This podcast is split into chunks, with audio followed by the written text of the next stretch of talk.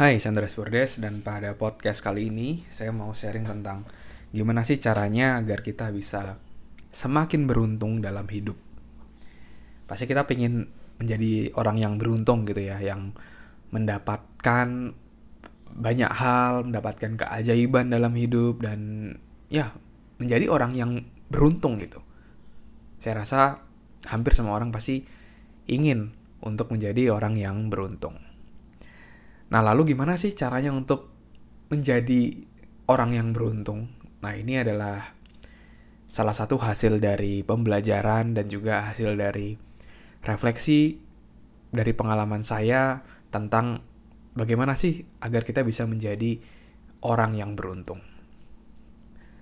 Kalau dari saya pribadi, saya percaya bahwa hidup ini itu ada satu yang namanya hukum tabur dan tuai kita pasti akan menuai apa yang kita tabur. Kalau misalnya kita mau menuai apel, pasti kita harus nanam apel gitu kan. Kalau kita mau menuai duren, ya berarti kita harus tanam duren. Jadi kita akan menuai apa yang kita tabur. That's hukum alam gitu ya. That's the rule kayak gitu. Nah, maka dari itu, kalau kita mau lebih beruntung, mau kita mendapatkan lebih dalam hidup gitu ya, berarti kita harus memberi. Berarti kita harus menanam kebaikan agar kita menuai kebaikan. Agak sangat sulit kalau misalnya kita menanam keburukan, tapi kita berharap bisa mendapatkan kebaikan dalam hidup, keberuntungan dalam hidup. Itu sangat sulit kayak gitu. Nah, maka dari itu kita harus mulai bisa menanam kebaikan. Menanam kebaikan gak harus melalui uang gitu ya. Kita bisa meluangkan waktu kita, memberikan tenaga kita untuk bisa membantu orang lain. Itu juga termasuk dalam menanam kebaikan. Misalnya bantuin ada keluarga yang lagi ribet pindah rumah, nah kita bantuin.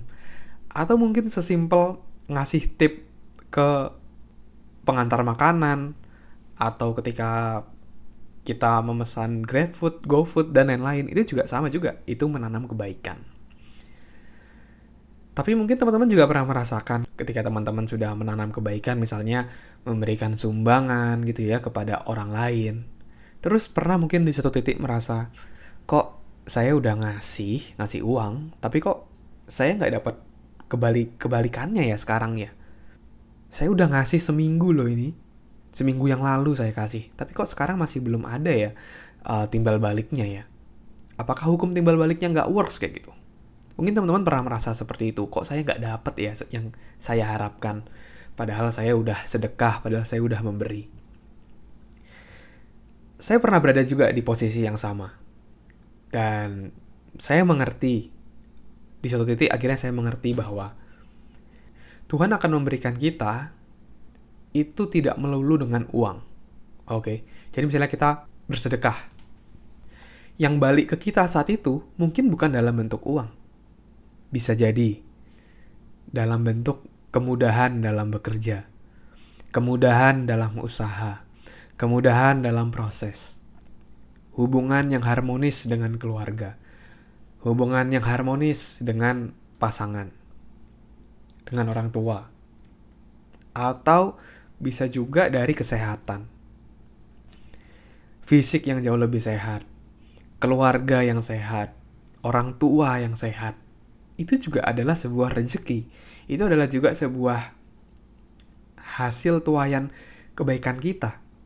Mungkin tidak melulu dengan uang gitu tapi bisa melalui hal-hal positif lainnya, melalui hal-hal lain yang tidak ternilai dengan uang. Dan itu pasti kita dapatkan ketika kita menanam kebaikan. Begitu juga ketika misalnya uh, kita bekerja gitu ya, kita bekerja. Mungkin, mungkin ada kalanya kita udah bekerja keras, menanam kebaikan, memberikan lebih dari yang diharapkan kepada perusahaan tapi hasilnya masih belum terlihat. Kok saya nggak dapat promosi? Kok saya nggak dapat kenaikan gaji yang optimal? Dan lain-lainnya. Mungkin pernah merasakan seperti itu. Nah, sama juga seperti tadi. Kebaikan yang kita dapat mungkin tidak melulu soal uang. Misalnya, tadi ya, kesehatan, atau mungkin ilmu yang bertambah. Yang mungkin kalau tidak bekerja di situ, kita harus membayar lebih untuk ilmu yang kita dapatkan. Dan juga, sering kali, misalnya di suatu titik, kita tidak dibayar sesuai dengan proporsi yang sesuai dengan effort kita, di masa depan kita akan mendapatkan lebih dari yang kita harapkan. Saya sendiri pernah mengalami hal itu, mengalami sendiri gitu ya. Dulu gitu ya, 2 sampai 3 tahun lalu saya pernah bekerja kayak gitu. Yang saya merasa bahwa kok hasilnya tidak sesuai ya dengan yang saya harapkan. Tapi saya tetap terus menanam kebaikan gitu ya, memberikan lebih kepada perusahaan agar perusahaan bisa terus bertumbuh untuk segala untuk setiap stakeholder stakeholder di sana memegang saham di sana. Dan ya, hal itu hal itu ternyata berdampak sangat optimal sekali.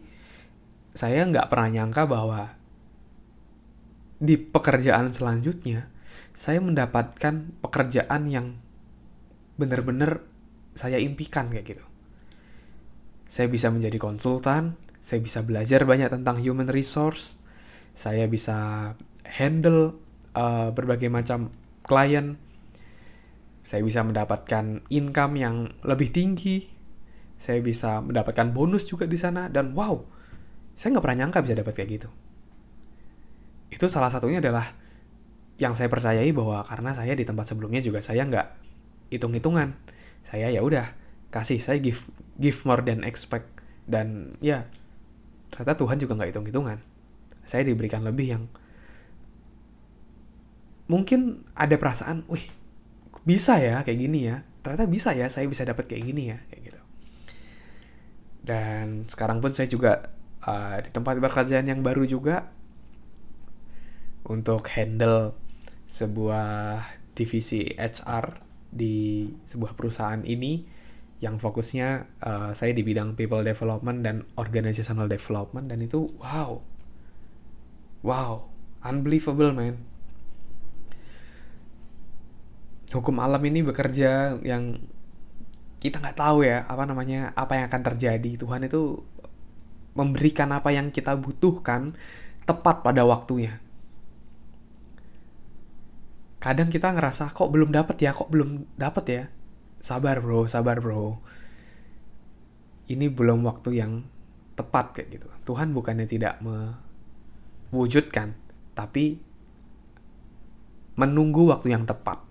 Itu itu itu kata-kata yang tepat. At the end of the day nanti ketika kamu sudah mencapainya kamu bakal ngelihat ke belakang dan wah ini toh maksudnya. Teman-teman bisa jadi connecting the dot uh, bisa mengambil garis hubungan. Kenapa kok dulu saya mengalami ini? Kenapa kok dulu saya belum mencapai ini? Terus pas sudah dapat oh ternyata dulu saya harus belajar ini dulu. Saya harus mempersiapkan diri dulu sampai akhirnya saya bisa berhasil. Yang penting tetap berbuat baik tetap menanam kebaikan, memberi ke orang lain. Apa pun yang terjadi, tetaplah jadi orang baik karena Tuhan tidak tidur dan kita pasti akan mendapatkan tuayan yang sangat-sangat baik yang Tuhan udah persiapkan untuk kita.